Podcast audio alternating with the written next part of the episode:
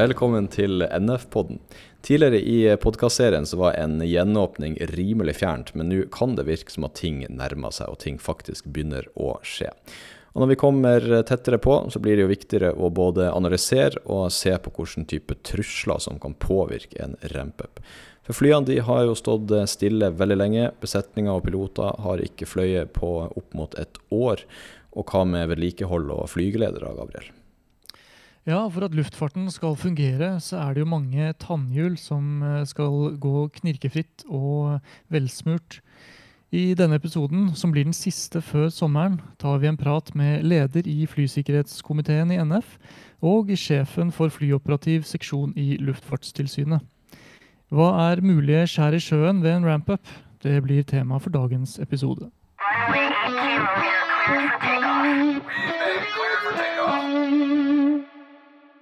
Ja, Da har vi fått besøk i studio av Jo Bjørn Skatvold, som er første nestleder i NF og leder i flysikkerhetskomiteen, og Tove Skogheim, seksjonssjef for flyoperativ seksjon i Luftfartstilsynet. Velkommen til dere.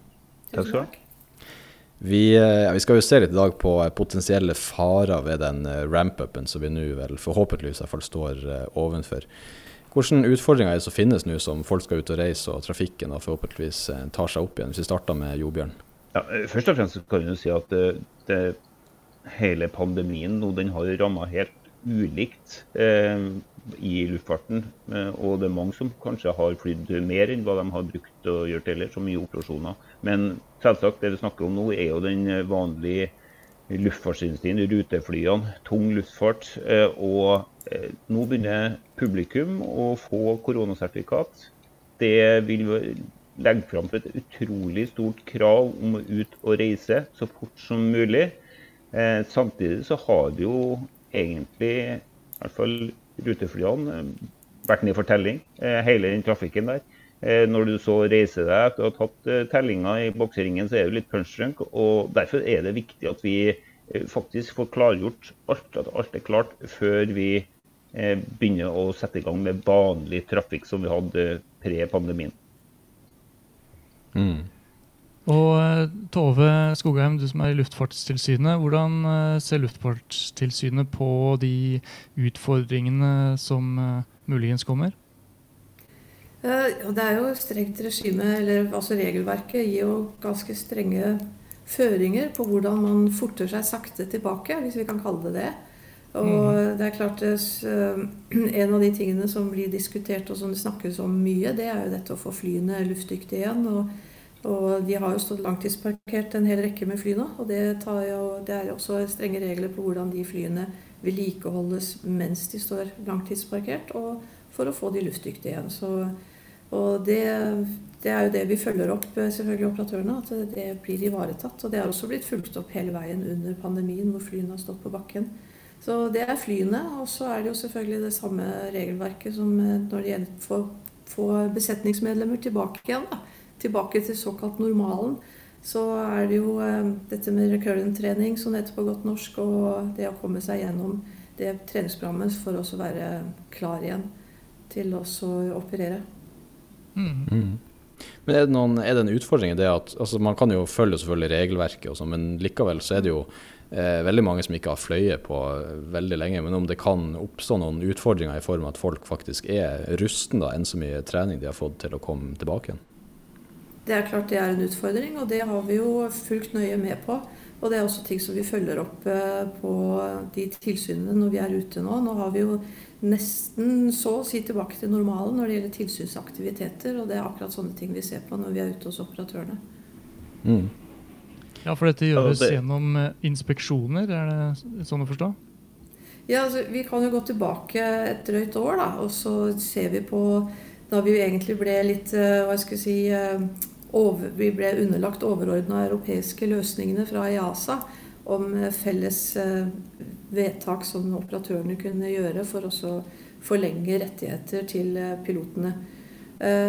Men for at de kunne gjøre det, så måtte de også faktisk rapportere inn til sitt respektive myndighet eh, i sitt respektive land på hvilke planer de hadde for å kunne føre crew tilbake til normalen etter at dette var gjort. Og det var jo ikke, det ikke ubegrensa med forlengelse av rettigheter uten eh, OPC, PC og den treningen som ligger i regelverket.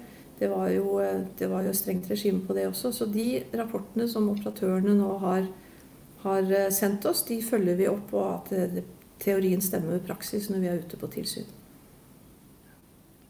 Mm. Ja, Jo Bjørn, er du enig? Hvordan syns du at man bør følge opp luftfarten for å sikre at flysikkerheten blir ivaretatt? Jeg vil nevne at eh, Det er veldig behagelig å ha Luftfartstilsynet der, og ikke minst at vi har en myndighet eh, og vi som arbeidstakere som har helt klart felles mål. Det er om å få luftfarten trygt opp i lufta igjen på tryggest mulig måte. Eh, men det er jo en del utfordringer her når vi har vært så langt ned som, som vi har vært i problematikken, og forhåpentligvis er på vei opp igjen. Vi har jo jevnlig møter bl.a. om fugl og fly. Eh, det har vi jo fremdeles, selv om det er lite trafikk. Men en av tingene som ble nevnt der, var jo at det er jo ikke bare insekter som setter seg i flyene som står på bakken, men også har de funnet flyreder som ligger oppi flyene. Og Det viser jo sånn at det har vi aldri tenkt på at det skulle være at fly skulle stå så lenge på bakken. Fra minus 15 eh, til pluss 25 eh, og tilbake til minus 15 igjen. Og så de lagringa der. Det har sett store krav til vedlikeholdet. Og det, det, vi, det blir spennende å se framover. Både tekniske vedlikeholdet, men også selvsagt med at vi får den kvaliteten vi har på treninga som, det, som kreves for å, for å, være i cockpit. Mm. har vel, sånn Teknisk så har man vel sjelden sett fly blitt langtidslagra så lenge som de har nå, eller? Mm. Ja, det er Jeg tror det, pandemien er vel noe av det mest eh, Eh, ekstreme som flyindustrien har opplevd. Selv om det har vært eh, mye opp gjennom årene, så er vel dette noe av det mer ekstreme. Og i hvert fall i forhold til den ramp-upen som vi står overfor nå. Og jeg vil bare legge til det som Jobjørn eh, sier òg, at det er ikke bare de langtidsparkerte flyene som har hatt utfordringer med bygging av både larvereder og vepsebol og sånne ting. Det er jo at nå, Flyene flyr jo ikke så mye nå som de har gjort før, de som også er i drift. Så de står jo mm. mye lengre på bakken mellom hver flight. Så det kreves jo mye mer av eh, teknisk vedlikehold også på de som er ute i drift av flyene. altså. Så vi har jo mm. hatt eh, noen rapporter på unreliable airspeed bl.a. Pga. at det har vært klogga igjen med larvereier og, og sånne delikatesser. Og Apropos eh, fly som står stille, hvordan ser trenden ut nå? Altså, har dere noe anslag for hvor mye trafikk vi kan forvente nå ja, sommer, høsten og kanskje utover mot eh, vinteren? Hva sier du, Tove? Ja, De siste tallene fra Eurokontroll da, som sitter på dette her, så, så, er det jo en jevn økning med flighter nå. Og de ser jo da i løpet av eh, sommeren nå, så skal vi si ut juli, da, så at vi er muligens De spår det, at vi er oppe på 70% av tallene som var i 2019 av antall flyvninger. Eh, det som er en kuriositet i de tallene som eh, foreligger inntil 17.6, er jo at Widerøe er det tiende største i antall flyvninger i Europa. Og det sier jo litt, og det er jo eneste i Norge, da, kan jeg si. Men de er også den eneste som vil ikke ha hatt langtidsparkerte fly i perioden. Og var det en av, var en av tre som hadde flest flyvninger når pandemien var som verst. Det var Widerøe og fraktselskaper. Mm. mm. Ja, for Det er jo veldig ja, gledelig for Widerøe sin del, men, men, eh, det sier jo også kanskje litt om hvor stille det er ellers i Europa. Mm. Det er det. Så på toppen så ligger Ryanair, og så kommer Lufthansa og KLM. Så, men det er en gradvis økning, og det er jo gledelige tall, de siste statistikkene vi har fått fra Eurocontrol nå. Ja, og prosentvis så skal det ikke så mye til for å få ganske store tall der, når vi vet egentlig eh, grunnen til at eh, flyene har stått parkert der de har gjort, er jo bare mengden av det. Tidligere så har du hatt langtidsparkerte fly, så har, du, har, det vært lønnsomt å fly dem over til ørkenstrøk eller andre tørre strøk. Eh, og nå har de jo vært stående i Norge kystnært, både saltsprit og alt, eh, alt, det som medfører der. og Det viser jo at det er mye som trengs. Og borti USA så hadde de jo problemer med, eller i hvert fall rapportert eh, en del motorproblemer på noe ventiler etc. som selv om det var testa godt på bakken, fikk problemer når de kom opp i lufta etter å ha stått i ro såpass lenge. Så det blir interessant å se. Mm. Som piloter når man er ute og flyr et av de flyene som har vært langtidslagra, er man litt sånn eh, Sitter man litt langt framme i setet, eller tar man det helt eh, Regner med at alt er i tipp topp eh, teknisk stand? Det er fagarbeidere, alle her som eh, er involvert i luftfart. Alle sammen er interessert i at dette her skal være så trygt som mulig. Så, sånn sett så bør en i hvert fall kunne senke skuldrene sine og forberede seg på å gjøre jobben og utføre den jobben uten at en skal ha Eh, være redd for at det skjer noe på det tekniske utenom det som er vanlig. Men selvsagt, det er jo en del som er, eh, hører til treninga vår. at Skjer det noen ting, så har vi alltid en sjekkliste. Og vi har en, i hvert fall i, i vår type luftfart, så har vi en kollega som eh, vi hjelper oss fram til å få løst det oppgaven. Mm. Da er det jo, jeg tenker at det, I forhold til det tekniske. Og det er klart at det, som jeg sa også i stad, det er jo strenge regler på, også på langtidsparkerte fly. De skal gjennomgå en mye vedlikehold mens de står der. Og så er det selve programmet som skal igjennom før de er luftdyktige igjen. Og så er det jo selvfølgelig eh, som pilot da, at man er tro mot prosedyrene. Og, og, ikke minst hvis man har, eh, er en stund siden fra man har vært ute og fløyet, eh, selv om man har vært gjennom en recurrent trening. Så det er jo noe som vi fokuserer veldig på. At det er veletablerte prosedyrer som faktisk blir fulgt. Og at det er en sikkerhetsledelse hos flyoperatøren som fungerer. Altså Det skal være en positiv kultur og en safety risk management som er fungerende. Mm. Ja, så er det vel viktig med tillit mellom avdelingene også. Mm. Jo Bjørn, hvordan syns du samarbeidet er mellom NF og Luftfartstilsynet? Jo, vi har uh, jevnlige møter og vi har en god dialog. Enkelte ting er selvsagt uh, vi er ikke bestandig enige om veien eller hurtigheten for å komme til målet, men som sagt, uh, som oftest er vi enige om at målet er der. Vi i flysikkerhetskomiteen vi er kanskje hindra av de byråkratiske reglene eller ja, formelle tingene som må gjøres, som er en nødvendighet for en myndighet å gjennomføre. Så vi kan ofte være litt mer utålmodige. Men eh, det er jo en forståelse av begge sine roller, og det tror jeg vi har blitt eh, veldig mye flinkere på hvert de siste åra. Mm, jeg er enig i det, Jordbjørn. Og det, det, er jo godt at vi kan ha en god tone, og ikke minst en samarbeidende tone, for vi har felles interesse her, og det er eh, flysikkerhet. Mm. Ja, og det ser vi jo nå med hensyn til eh, Det har blitt etablert eh, luft, eh, eller trepartsforum eller forum da, som vi kan ha en åpen diskusjon rundt de forskjellige formatene og bransjene. F.eks. innenlands helikopter er vi jo møte der. Og det er òg når vi prøver å se fram til for f.eks. For dronevirksomheten, som er en av bransjene som nå har faktisk ikke merka så mye til disse pandemiproblemene, men jeg har hatt eh, god ekspansjon og med de utfordringene som selvsagt følger med seg der. Mm. Mm. Ja da, og selv om vi har samme målet, så har vi bare litt forskjellige måter å komme til det målet på.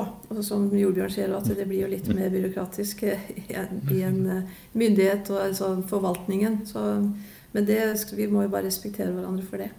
Mm. Ja, og, og vil jo tro ansvarsområdet er jo mye større for, Luftfartstilsynet. og det, det, viser jo litt, for det er jo litt todelt hele eh, greiene her med, eh, med en ramp-up. da.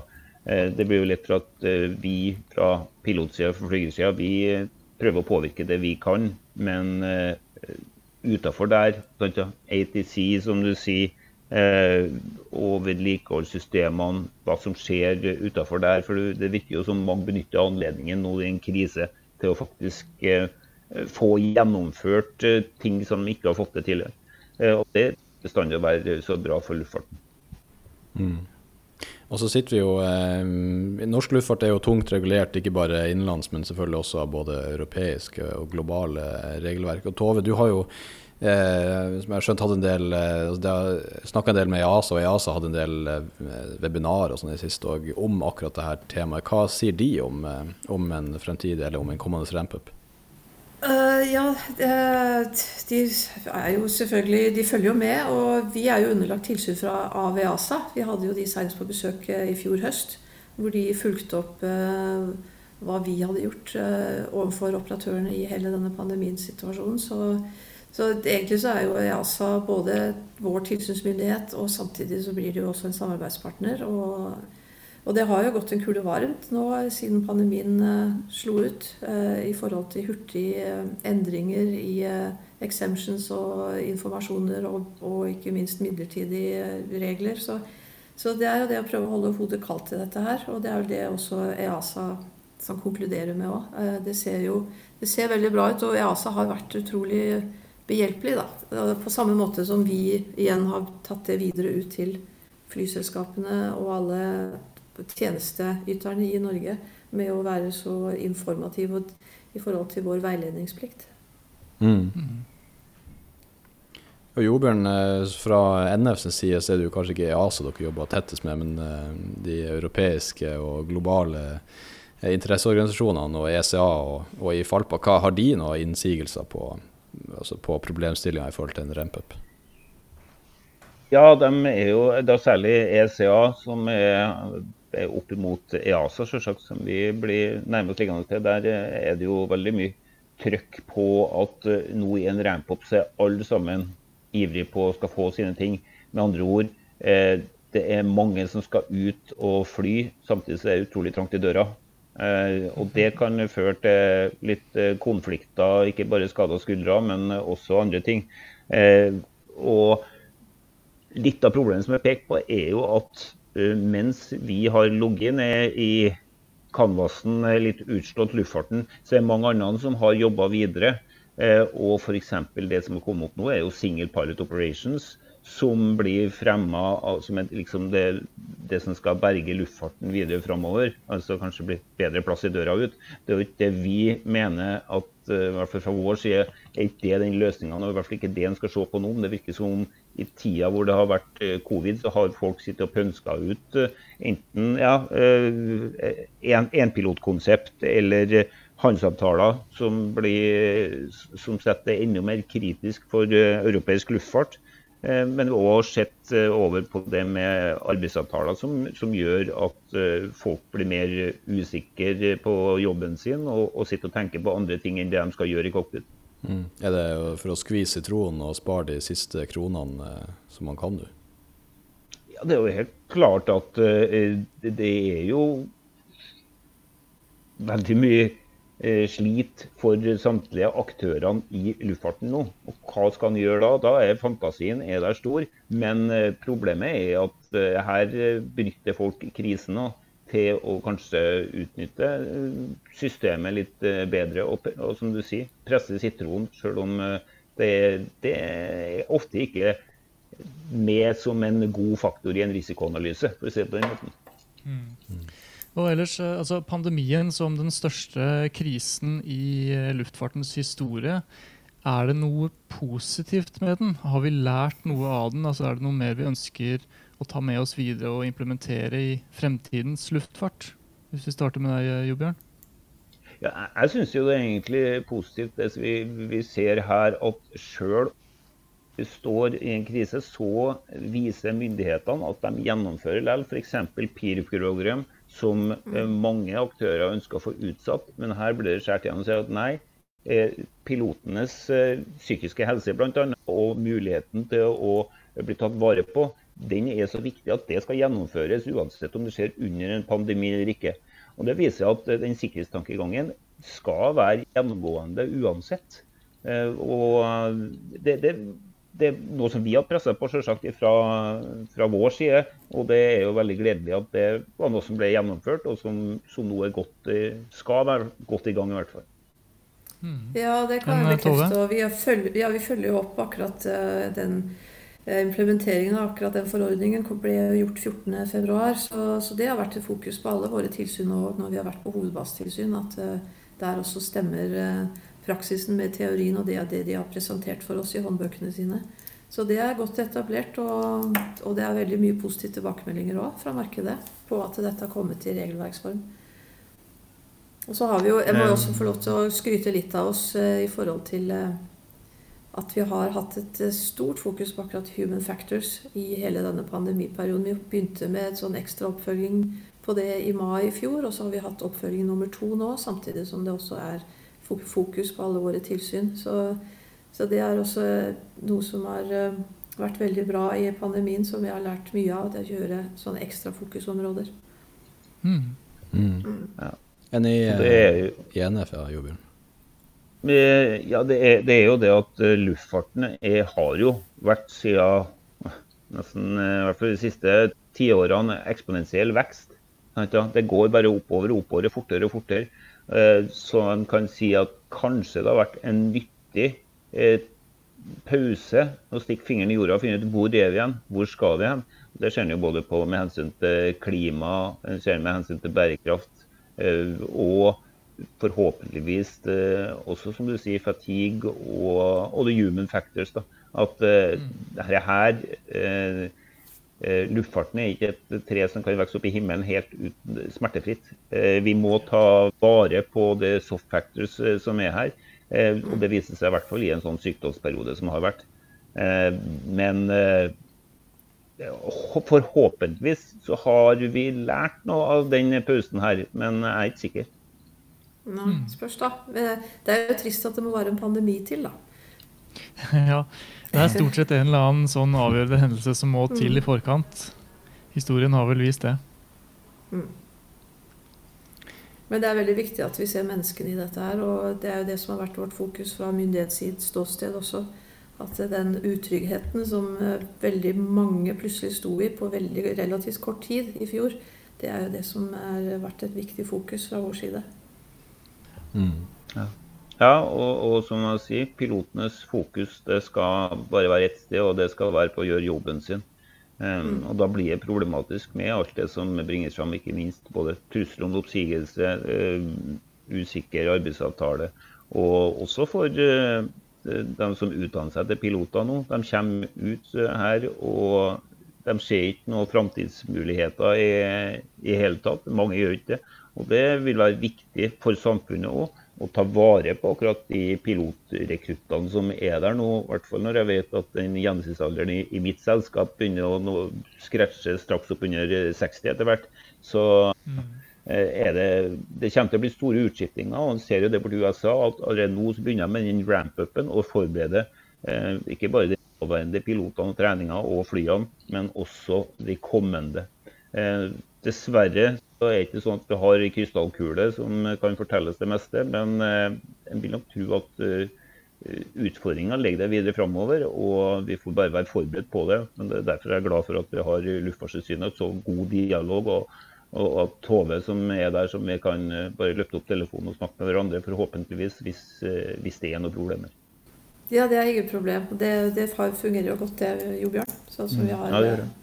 Og de det årlige møtet, og hvor vi tar og løfter litt saker sammen, det er uh, veldig nyttig for begge parter.